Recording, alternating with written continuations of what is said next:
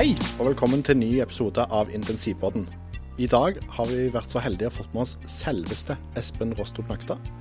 Og temaet i dag er eh, oppdatering av eh, covid-situasjonen i Norge. Vert i dag, det er meg, Martin Liong, og min kollega Nina Nysveen. Velkommen, Espen. Takk for det. Du eh, ble fungerende assisterende direktør i Helsedirektoratet da helsedirektør Bjørn Gullvåg ble satt i karantene eller isolasjon pga. covid-19 i mars. Du er utdannet jurist, jobber til vanlig som overlege, forsker og leder på CBRNE-senteret på Ullevål. Og i mars så ble du spurt eh, om å vikariere for Bjørn, og fikk en fremtredende rolle i media. Og du ble medieyndling. Og det var dine ord, men eh, ja. Du er, helse, du er i Helsedirektoratet fremdeles? Ja da, altså dette begynte jo egentlig ved at, eh, at eh, etter den 12. mars så var det en person som da testet positivt i direktoratet. Og det gjorde at mange havnet i karantene. Ingen ble jo syke, så de var jo ikke isolert i noen av dem, men de måtte jobbe hjemmefra. Så det var en flying start på hjemmekontor. Og det var da jeg ble spurt om å steppe inn og fungere i hvert fall et par uker sånn foreløpig, mens mange satt på hjemmekontor. Og så ble jeg bedt om å fortsette etter det også, da, og, og ha gått inn i en sånn funksjon eh, som assisterende helsedirektør. Eh, men jeg er formelt på utlån, da. Sånn at eh, På ubestemt tid, Det er jo ikke noen stilling jeg har søkt på eller fått fast, Ja. men, eh, men eh, enn så lenge så har vi pandemi, og så har jeg bedt om å stå i den stillingen. Trives du? Jeg trives. Det er, eh, det er eh, spennende dager og, og hektisk. Eh, Så jeg trives. Men jeg hadde ikke sagt ja hvis ikke jeg trivdes med den type ting. Og jeg har jo jobbet litt mot, opp mot direktoratet tidligere, så jeg visste jo mye av hva det ville gå i. Så sånn sett så var det egentlig ganske greit å si ja til det, og hoppe rett inn i det. Ja. Du, vi, vi sitter litt og lurer på hvordan dette viruset kommer til å påvirke oss som jobber mye på intensiv videre. Og en av de tingene vi sitter og lurer litt på, er hvor stabil er måte dette covid-viruset? Altså, ser man for seg at, um, at det muterer hvert år, at det blir som en ny sesongvirus? Blir dette en ny, nytt standardvirus som vi må bare forholde oss til? Det er et godt spørsmål. Og du kan si eh, dette viruset eh, dukket opp antagelig på høsten en gang for snart et år siden. Eh, Og så ble det jo da kjent rundt nyttårstider i verden at det var et utbrudd primært i Wuhan i Kina. Men det har jo i ettertid vist seg at det kanskje var pasienter i Europa i desember som også var smittet av dette viruset. Ja. Men det er klart, bølgen kom ikke til Europa før ut i februar.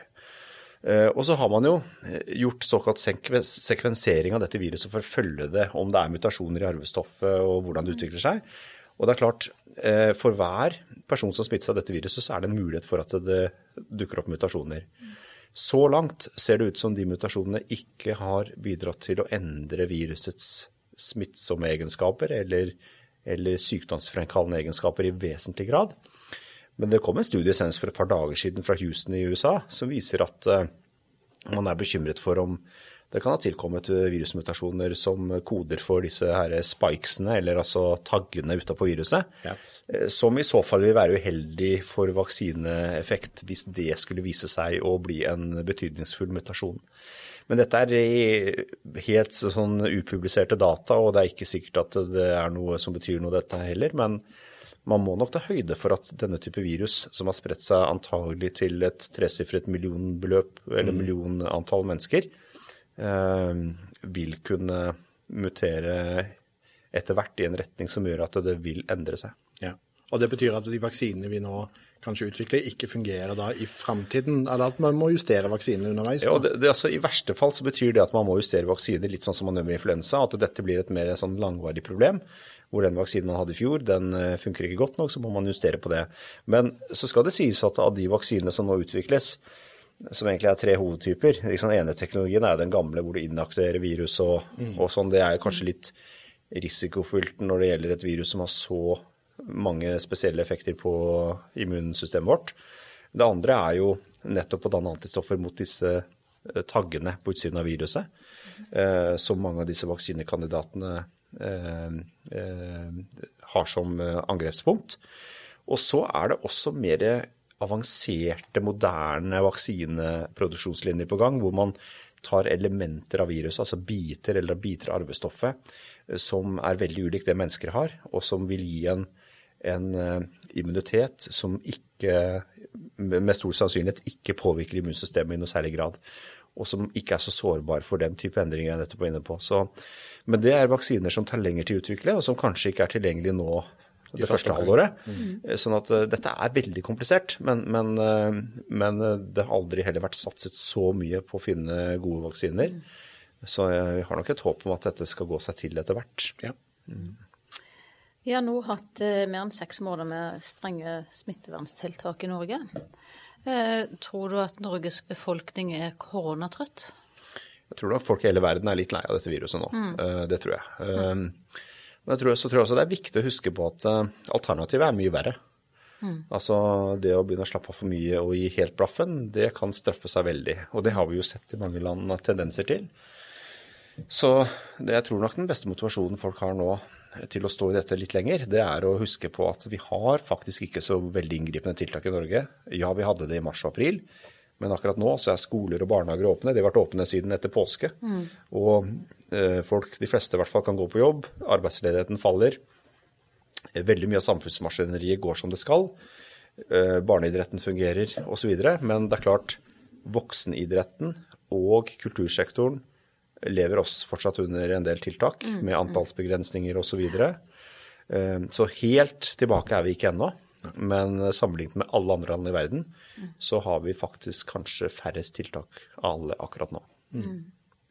Vi, vi, ser jo det at vi, vi, vasker og spriter og holder avstand. Og, eh, og, vi merker jo at eh, det kanskje har en liten effekt på intensivseksjonene. Vi har jo litt lavere belegg enn det vi vanligvis pleier å ha. Mm.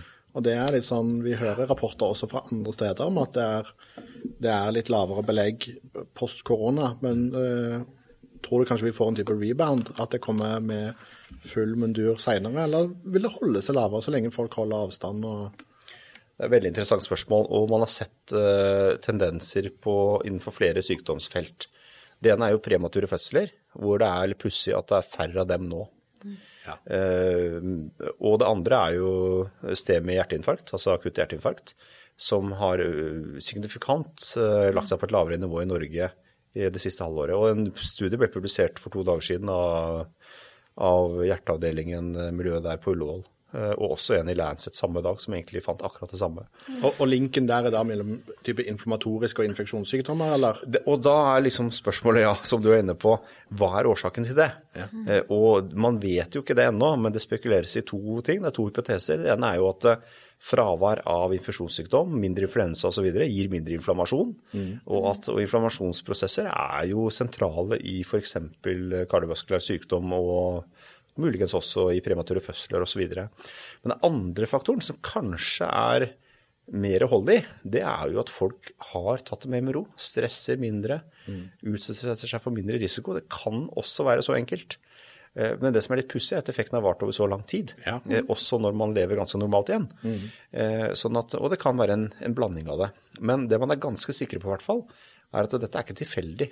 Altså det er en reell nedgang for visse sykdommer, men for andre er det ikke det. Eh, så jeg tror forskningsmessig blir dette veldig interessant til neste år.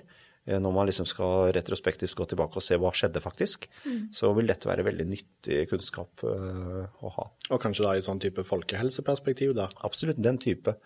Uh, hybrid mellom intensivmedisin og folkehelse og alt.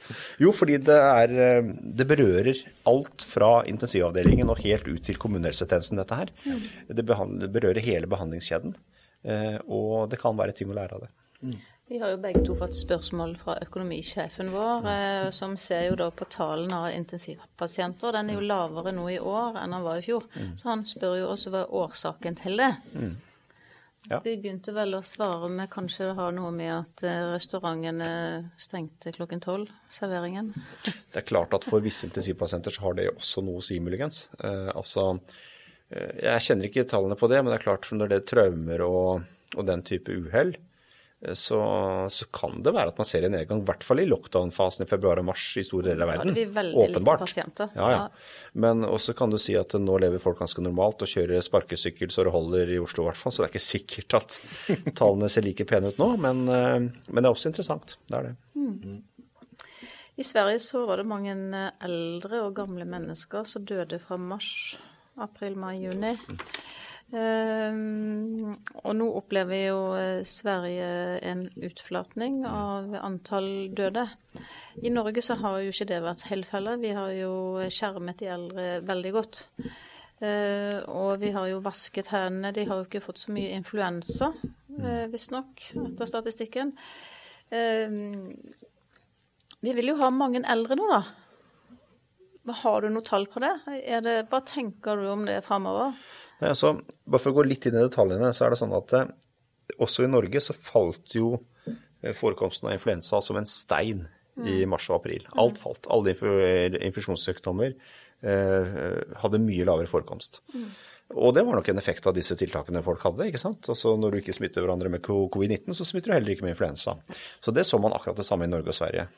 Og andelen dødsfall på sykehjem har faktisk vært lik i Norge og Sverige, faktisk litt høyere i Norge meg bekjent, eh, prosentvis. Eh, og det har man også sett i mange andre land. Og det tyder på at når du først får smitte inn i samfunnet, så vil den spre seg omtrent over hele samfunnet. Folk som jobber på sykehjem, vil kunne bringe smitte inn uten å vite det. Sånn at det er veldig vanskelig å unngå. Ingen land har klart å unngå det. Sånn at det at det har vært mange dødsfall på sykehjem i noen land, er nok et resultat av at det har vært mange med covid-19 i det landet. Og det er nok hovedforklaringen. Og det ser vi en helt tydelig trend i veldig mange land. Mm. Um, men så tror jeg også at uh, man har vært, den eldre delen av befolkningen har vært flinke til å beskytte seg i denne pandemien, og er fortsatt veldig flinke. Mye flinkere enn de yngste. Mm. Og det ser vi på tallene nå, at det er mye unge mennesker som smitter hverandre, mm. mens det er ikke en veldig økning blant de eldre. Det er klart, det kan endre seg. Og trenden de siste dagene nå er jo at det har jo gått opp lenge i mange europeiske land. Det har flatet ut i Norge, men det har begynt å gå opp i Sverige også nå. Mm. Så nå er de også oppe på eh, nesten en dobling siste dagene i smittetilfeller. Så det viser at dette er vanskelig i alle land. Ja. Og det er vanskelig sannsynligvis fordi vi har veldig mye kontakt med hverandre. Mm. Eh, og skal vi leve veldig fritt sånn som vi gjør nå, og gjøre masse ting, og da indirekte, eller i hvert fall eh, ikke kunne unngå å komme tett på hverandre, så, så vil smittsomheten øker hvis noen av de som er til stede, er syke. Og Det er nok det vi ser rett og slett nå, at dette reproduksjonsnummeret ligger og vaker rundt én. Vi kommer liksom ikke helt ned. Det ligger kanskje litt i overkant av én i de fleste land, fordi vi lever så normalt som vi gjør. Mm. Vi ser jo det på, vi får rapporter fra en del andre intensivavdelinger rundt omkring i Europa, og særlig i Spania. Så ser vi nå at det begynner å bli overfylt intensiver der òg, og det har store utfordringer. Tenker du at vi går liksom litt mot den samme situasjonen igjen i Norge nå, eller håper du virkelig at vi klarer på en måte å snu det? Men, men hvor stort håp er det at vi klarer å snu det? Det er det vi jobber for nå, å holde det som det er, eh, og ikke få den belastningen på sykehusene. Og Det er klart at det er bekymringsfullt det du nevner i Spania, og også i Frankrike, vil jeg påstå. Eh, men kanskje særlig i Madrid-regionen nå, så er det jo veldig stor smitteøkning. Så mye at sykehusene merker det godt. Mm. Og det er vanskelig å snu uten en ny lockdown når det først kommer så langt. Så det er jo det som er prinsippet i Norge, med at vi ønsker å slå ned utbrudd lokalt når det inntreffer, eh, for at det ikke skal vokse seg stort. Mm. Så langt har man klart det i Norge. Eh, og det gjenstår å se om Oslo klarer det ordentlig også, men eh, vi har jo håp om at det skal gå. Og da vil man ikke komme i den situasjonen. Men det er klart at det blir vanskeligere og vanskeligere jo lenger tid det går. Og når høsten og vinteren kommer og vi er mer innendørs osv., så, videre, så vil, de, vil, dette bli veldig vanskelig. Men det er like viktig. Fordi det er ingen garanti for at vi ikke kan komme tilbake i samme situasjon som i mars, og enda verre. Det er eh, absolutt mulig hvis vi dropper alle tiltak og mm. dropper alt. Mm. Eh, men vi tror jo ikke at folk vil gjøre det, da. Vi tror at folk nå begynner å se et lite lys i tunnelen med en vaksine neste år, og at de mm. klarer å stå i dette fortsatt. Mm. Ja, Vi venter jo på en vaksine. Og Bent Høie han antyder jo at den eh, kommer til Norge, takk og lov, via Sverige i slutten av desember 2020. Og at den kommer ut til oss eh, fra januar 2021. Ja, Det er et bestefallsscenario da, som han beskriver. Men eh, det er klart EU har innkjøpsmekanismer og samarbeider, og har da eh, inngått avtale også med EØS-landene, sånn at eh, Norge da også får tilgang på vaksine. Eh, På lik linje som de andre EU-landene. Og det skal vi være veldig glad for. Mm. Og, men, og det kan nok være at de første vaksinene eh, vil komme på nyåret, mm. eller rundt nyttårstider. Det vil nok være et lite antall som kommer til å begynne med, og så blir det levert mer og mer etter hvert som produksjonen skaleres opp. Men, eh, men nøyaktig hvilken vaksine det blir EU spiller jo nå på flere hester. Man skriver jo avtaler med ulike vaksineprodusenter for å sikre seg eh, god og effektiv og trygg vaksine. Men det er klart det vil ta tid, så mye av neste halvår vil nok være fokusert på vaksiner. Eh, og så er det jo kanskje ikke sånn at man vaksinerer hele befolkningen. I hvert fall ikke, de, i hvert fall ikke barn og ungdom, kanskje. Det er ikke sikkert det er nødvendig i det hele tatt. Eh, Men eh, Det er sårbare grupper og helsepersonell som får de først, eller? vanligvis er det det. Og det lages et system på det. Så vanligvis er det de to gruppene som først, og så er det de andre etterpå. Og så er det ikke sikkert at barn trenger en vaksine, fordi de blir knapt syke, de minste i hvert fall.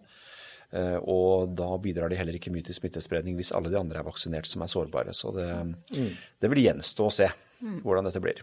I januar, da, tror du? Jeg tror, jeg tror i beste fall at man kan begynne eh, etter nyttår, eh, litt utpå vinteren. Eh, og så tror jeg det vil bli mer og mer vaksiner tilgjengelig. Men jeg tror vi vil fortsette å vaksinere folk i store deler av 2021. Ja. Jeg tror ikke vi blir ferdig på vinteren. Men, eh, men det er mange skjær i sjøen her, og det er ikke sikkert at dette går helt på skinner. Vi på Intensiv vi har jo eh, spesialiserte grupper av helsepersonell som jobber, som det liksom er litt sånn kontinuerlig mangel på. Og eh, vi lurer litt på hvor risikoen, eller hvor du tror risikoen ligger mest. At det blir for mange pasienter, eller at det også på en måte vi mangler nok helsepersonell, eller en, eller en kombinasjon. Det er jo en kombinasjon. Du kan si i mars og april, særlig i mars, så var dette veldig krevende fordi eh, det var et nytt virus. Man visste jo ikke helt eh, hvordan sykdomsforløpet var. Det man visste fra Kina, det var jo at eh, hovedgruppen av innlagte ble innlagt pga. respirasjonssvikt, og at én av fem innlagte, eller én av fire ca., havnet på intensivavdeling. Og det forholdstallet det har vært veldig stabilt i alle land som har blitt rammet. Vi så det samme i Italia, og vi har sett det samme i Norge. Eh, og og det tyder jo på at eh, altså det er en belastning som er langt over andre typer sykdommer som folk blir lagt inn på sykehus for. Eh, og vi har jo ikke mange prosentene intensivsenger totalt i Norge, det er vel en 2-3 eller noe sånt. Eh, og, og det er klart 25% da som må på intensivavdeling med denne sykdommen, det er et høyt tall. Eh, så er det klart at eh, så har man jo lært mye, både med behandling, hva som hjelper og ikke hjelper. Eh, Noe medikamentell behandling har kommet til, selv om det jo ikke er noe frapperende effekt. Men det er klart eh, steroidbehandling for de dårligste, og kanskje remdesivir kan eh, dempe noe virusproduksjon hos de sykeste muligens. Men alle måneder drar lite grann. Men det kanskje viktigste, tror jeg, er at man i Norge har stort sett hatt hodet over vannet, tross alt. Og kunnet gi god intensivbehandling. Og vi har jo skrekkens eksempler fra østkysten av USA på intensivavdelinger hvor dødeligheten har vært oppe i 80 Ja. mens i Norge har den jo egentlig vært 20 Og det tolker du som at det handler rett og slett om personalsituasjonen? det handler om stressnivå og hvor overveldet du blir, og hvor kaotisk det er, rett og slett, i en sånn krisesituasjon. Og at man prøver kanskje mye ting som man ikke har Ja, Dårligere individuell oppfølging av pasientene. Man ser ikke tegn til forverring like godt, og på en måte ting går litt over stokk og stein når man blir helt pressa til det ytterste, og folk har jobba 24 timer i strekk osv. Så, men det er også kanskje andre forklaringsmekanismer. At fordi sykehusene er fulle, så kommer folk sent inn med ambulanse. Og da er jo eh, suksessraten også lavere. Så det, det er mange sånne faktorer som jeg, som jeg tror hadde betydning i, i bl.a. i New York. Og som gjorde at det enkelte steder var veldig høy dødelighet på intensivavdelingene. Men, eh, men eh, det, den faktoren vil jo også eh, tjene pasientene hvis vi ikke har mange innleggelser i Norge. Da blir jo også behandlingen bedre. Ja. Og selv om vi nå har hatt tre registrerte dødsfall i dag spredt over de siste dagene, så er det klart at vi har i snitt nå ett dødsfall i uka omtrent i Norge, Mm. mens uh, i Sverige er det en per dag. Så det er fortsatt en stor forskjell. Det skal vi være glad for eh, at det er lavt i Norge. Men som sagt, det er ingen garanti for at ikke det kan bli mer. Nei. Eh, Har du hørt mye om hvordan vi jobber inne i kohorten, og hvordan vi har hatt det i intensivmiljøene? Ja, jeg har det. Ja. Jeg har fått eh, oppdateringer av kolleger på Ullevål eh, og hvordan ting fungerer. Eh, jeg blir fortsatt litt forvirret av eh, alle disse adhoc-navnene på ulike poster osv. Men, eh, men eh, det har jo blitt jobbet godt med det, og det har jo satt seg et, et system. Men det er klart, det har jo også vært krevende med så stor omlegging av drift. Eh, åpenbart. Og det er klart at nedtrekk i annen elektiv aktivitet har jo pasienter merket som ikke har covid-19. De. Eh, og selv om man nå i norsk helsetjeneste har kommet seg opp på en tilnærmet normaldrift, så er det klart at det er et år med det vi kaller et helsetap da, i byråkratiet ofte. Så snakker man det, altså at noen pasientgrupper har fått ikke så god helse som de kunne fått i en normal situasjon. Og jeg tror det helsetapet i mange land vil vise seg å bli veldig stort. Kanskje større enn tapet pga. covid, faktisk, eh, i noen land. Eh, hvor da hele helsetjenesten egentlig har eh, knekket sammen i perioder. Så Men kunne man gjort noe annerledes? det er klart at masse man kunne gjort annerledes i den pandemien, helt sikkert. Og det er jo noe av evalueringen som allerede er i gang i, i sykehusene i Norge. Også på nasjonalt nivå så er det en egen koronakommisjon som ser på ulike ting. Så det er viktig å lære av dette. Det er ikke hvert år vi har en stor pandemi som setter så mange kjepper i hjulene for vanlig drift. Og da tror jeg det er lurt å benytte anledningen til å lære av det. eh, Og gjøre forbedringer og tenke at dette kan faktisk skje igjen. Eh, Det kan også være en krise som ikke har med infeksjonssykdom å gjøre også. Og da er det lurt å ha, lært og gått gjennom disse tingene. Hvis du var sjef for- for intensivavdelingen i Norge, er det noe du ville gjort? Ville forberedt deg godt på til en potensiell neste runde? Eller tenker du på en måte at man har ganske god kontroll? Jeg tenker at noe av det åpenbare som ikke er noe hemmelighet at eh, må forbedres, det er jo at man bør ha i Europa større beredskapslagre av smittevernutstyr. Og også større legemiddelsikkerhet. Dette jobbes det jo kjempegodt med nå. Helse Sør-Øst koordinerer jo det arbeidet og kjøper inn eh, store volumer. og eh, Det er klart, det, det at en pandemi eller annen krise kan ramme produksjonslinjen og gjøre det vanskelig å få tak i det utstyret man normalt eh, får tak i, det er en, kanskje den viktigste lærdommen. Fordi eh, personalet som ikke kan beskytte seg og ikke føler seg trygge på jobb, det er klart det er en kritisk faktor. Eh, og da vi hadde ebola i Norge med for riktignok bare én pasient i 2014, så koordinerte jeg mye av det rundt mottak av den pasienten, og også eh, på en måte beskyttelsesnivå som vi la til grunn i Norge for den type sykdom. sykdom. Og da la vi oss bevisst på et veldig høyt regime. Altså vi, vi kjørte maksimal beskyttelse bevisst. Ikke fordi at det var dokumentert veldig mye luftsmitte eh, med den sykdommen, men fordi konsekvensene av å bli smittet er så store at, eh, at eh, har du tilgjengelig godt utstyr, så bruker du det beste i en sånn situasjon. Det, og vi så jo den gangen at, eh, at i mange land og mange miljøer så kjørte man vanlig FFP3 åndedrettsvern og, og på en måte vanlig visir og ikke så mye mer. Men etter et halvt år så la også CDC og alle de store i verden seg på akkurat det samme regimet vi hadde gjort i Norge lenge. At vi kjører maks ved den sykdommen når vi har utstyr til det. Og det tror jeg er et godt prinsipp, og jeg tror det gjør at folk føler seg trygge. Eh, og jeg tror det var helt avgjørende da vi fikk ebola på dette sykehuset eh, for, i 2014. Eh, og det vil være avgjørende hvis vi får en ny pandemi med noe som er mer smittsomt og enda mer alvorlig. Men det at man bygger opp da nasjonale lager med smittevernutstyr eh, og har, men, men hva med type produksjonslinje i Norge, da? Jo, det jobbes også med det, og det er jo kommet i gang produksjonen av smittevernutstyr i Norge også til en viss grad. Eh, en del ting. Og, og her er det noe med forsyningssikkerhet og også kontinental sikkerhet. At man har noen produksjonslinjer i Europa som man kan klare seg med, f.eks. Sånne ting tror jeg, og håper i hvert fall at vil bli diskutert eh, i utgangen av denne pandemien. Eh, fordi det er eh, risikofylt å satse alt på ett kort i en sånn situasjon. Ja.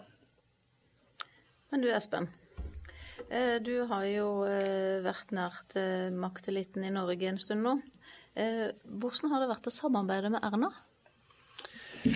Du, eh, det jeg kan si er at eh, det har vært i Norge et veldig godt samarbeid mellom fagmyndighetssiden og politisk ledelse, og altså departementssiden, gjennom hele den pandemien. Det er ingen underdrivelse å si at det har vært bra. Og det er ikke gitt at sånne ting vil fungere godt. Det er land i verden hvor fagmiljøer ikke har blitt hørt i det hele tatt. Eh, Og i visse land så har dette vært partipolitisk bestemt eh, hva man skal gjøre. Ja. Mens i Norge så har man basert seg på, eh, på grundige notater og råd fra Helsedirektoratet. Og vi har jo brukt både Folkehelseinstituttet på smittevern og Legemiddelverket på legemidler og de regionale helseforetakene på drift og universitetsmiljøene på forskningssiden og veldig mange andre for å få gode innspill eh, og på en måte gjøre en totalvurdering av det før det sendes til departementet. Og så må jo da departementet og regjeringen vekte det mot økonomi og en del andre samfunnshensyn, helt klart, i en sånn situasjon. Eh, Og så fatter man beslutninger som i stor grad er i tråd med det vi har gitt råd om. Og det systemet har egentlig fungert veldig godt. Eh, Det er alltid mulig at kan, ting kan fungere enda bedre, men eh, i Norge så tror jeg det har vært, eh, vært fordelaktig. At krisehåndteringen har vært så samkjørt og så solid som den faktisk har vært disse første seks månedene. Ja, det er det inntrykket vi også sitter igjen med, at det har vært veldig stødig. Ja, og hva tror du? Tror du vi kan begynne å reise til utlandet neste år, eller tror du vi fremdeles er eh, Du vet, du kan reise til utlandet nå. det var en ganske kort periode at det faktisk var, eh, eh, var innreiseforbud, og du ble avvist ved grensen Ja. i visse land. Eh, også i Norge til dels. Men, eh, men de siste månedene så har det vært mulig å reise i hele Europa, men du får jo da karantene, da, ti dager eh, stort sett. Og så jobbes det da med, med justeringer av dette systemet etter hvert. For det er klart at man er, avhengig av å kunne reise også i framtiden. Eh, og samfunnsmaskineriet må gå rundt også i Europa. Eh, Så, men eh, hvor mye folk vil reise i allerede neste år eller året etter der osv., og, så videre, og om man kommer helt tilbake til normalen, eller om det blir en annerledes hverdag etter denne pandemien, det er litt tidlig å si. Eh, Jeg er nok blant dem som tror at, at vi er vanedyr som veldig fort faller tilbake til sånn ting var. Eh, Men det kan også være noen overraskelser, og kanskje er vi mer digitale og har mer digitale møter i min hverdag nå. Så er det ingen som reagerer hvis jeg er med digitalt og ikke fysisk. Nei. Eh, altså Det er nesten hipp som opp. Du vet aldri helt hvem som er med digitalt og fysisk, men de er med. Eh, sånn at det har blitt en helt naturlig sak. Og en dag sitter folk hjemme, en dag er de på jobb. Og det, det er helt naturlig og fungerer veldig godt. Så det er veldig annerledes. Sånn var det ikke for et år siden. Du har en stor fanskare. Eh, Det er laget en egen Facebook-side som eh, heter 'Vi som hyller Espen Nakstad'. Hva syns du om det? Nei, jeg har fått med meg det. Ja. Nei, jeg er ikke så mye på Facebook, og, og jeg tolker det som en uh, tillitserklæring til at vi har gjort mye riktig. Uh, og jeg tar det som en Egentlig så tar jeg det som en honnør til hele helsetjenesten, som jeg dels har fronta, men ikke bare meg. Men at uh, Og kanskje har folk følt en trygghet i det vi har gjort i en situasjon hvor mange var engstelige. Eh, og så skal det sies da at å klikke på Facebook og bli med i en gruppe, det er en beslutning som tar et halvt sekund, og, og jeg legger ikke veldig mye alltid i det. Jeg syns det er for så vidt hyggelig og, og helt fint at folk gjør det, men, eh, men jeg er ikke inne på de sidene. Det er jeg ikke. Nei, Jeg vet ikke at de eksisterer, men jeg har faktisk ikke tid til å være så mye på sosiale medier. Nei. Rett og Men slett. eh, jeg må jo si det at jeg tror det er fordi at folk eh, har sett deg som veldig tro troverdig og har fått tillit til deg som person. Så eh, det er nok derfor. Nei, men det er hyggelig hvis det er sånn. Det er det. Da skal vi begynne å runde av. Um, tusen takk for at du stilte. Ja, vi har et spørsmål Ja, vi har et spørsmål og det, til. det er litt sånn uh, Vi må ha det med. Vi må ha det med. Og det er eh, Sitter vi og snakker med en fremtidig helseminister? Du, du sitter og snakker med en som er på utlån eh, som assisterende helsedirektør. Eh, Og det er det jeg kommer til å gjøre litt ut i neste år, i hvert fall. eh, Når vi har pandemi. Eh, Og så tror jeg vi har en eh, helseminister som er veldig på situasjonen akkurat nå. Eh, Så det fungerer veldig godt. Så jeg tenker ikke i de baner i det hele tatt. Jeg fokuserer nå på en jobb som skal gjøres. Og det er egentlig det eneste jeg tenker på. Eh, Enn så lenge er det det. Jeg tror det er mange som eh, kunne tenkt å sette deg som helseminister, da. Ja, det er mulig, men eh, det får andre tenke på. Jeg tenker på jobben som skal gjøres her, Ja, og har ingen, ja, ingen planer om noe annet. Det har jeg ikke. Bra svart. Ja, vi får takke i hvert fall for det du har gjort til nå. Bare hyggelig. Og takk for at du var fysisk i dag og ikke digital. Ja, det var hyggelig å være fysisk med gamle kolleger eh, på Ullevål. Det var veldig hyggelig. Med to meters avstand. Med to meters avstand, da er vi trygge, vet du. Ja, Absolutt. Tusen takk. Takk. bare hyggelig.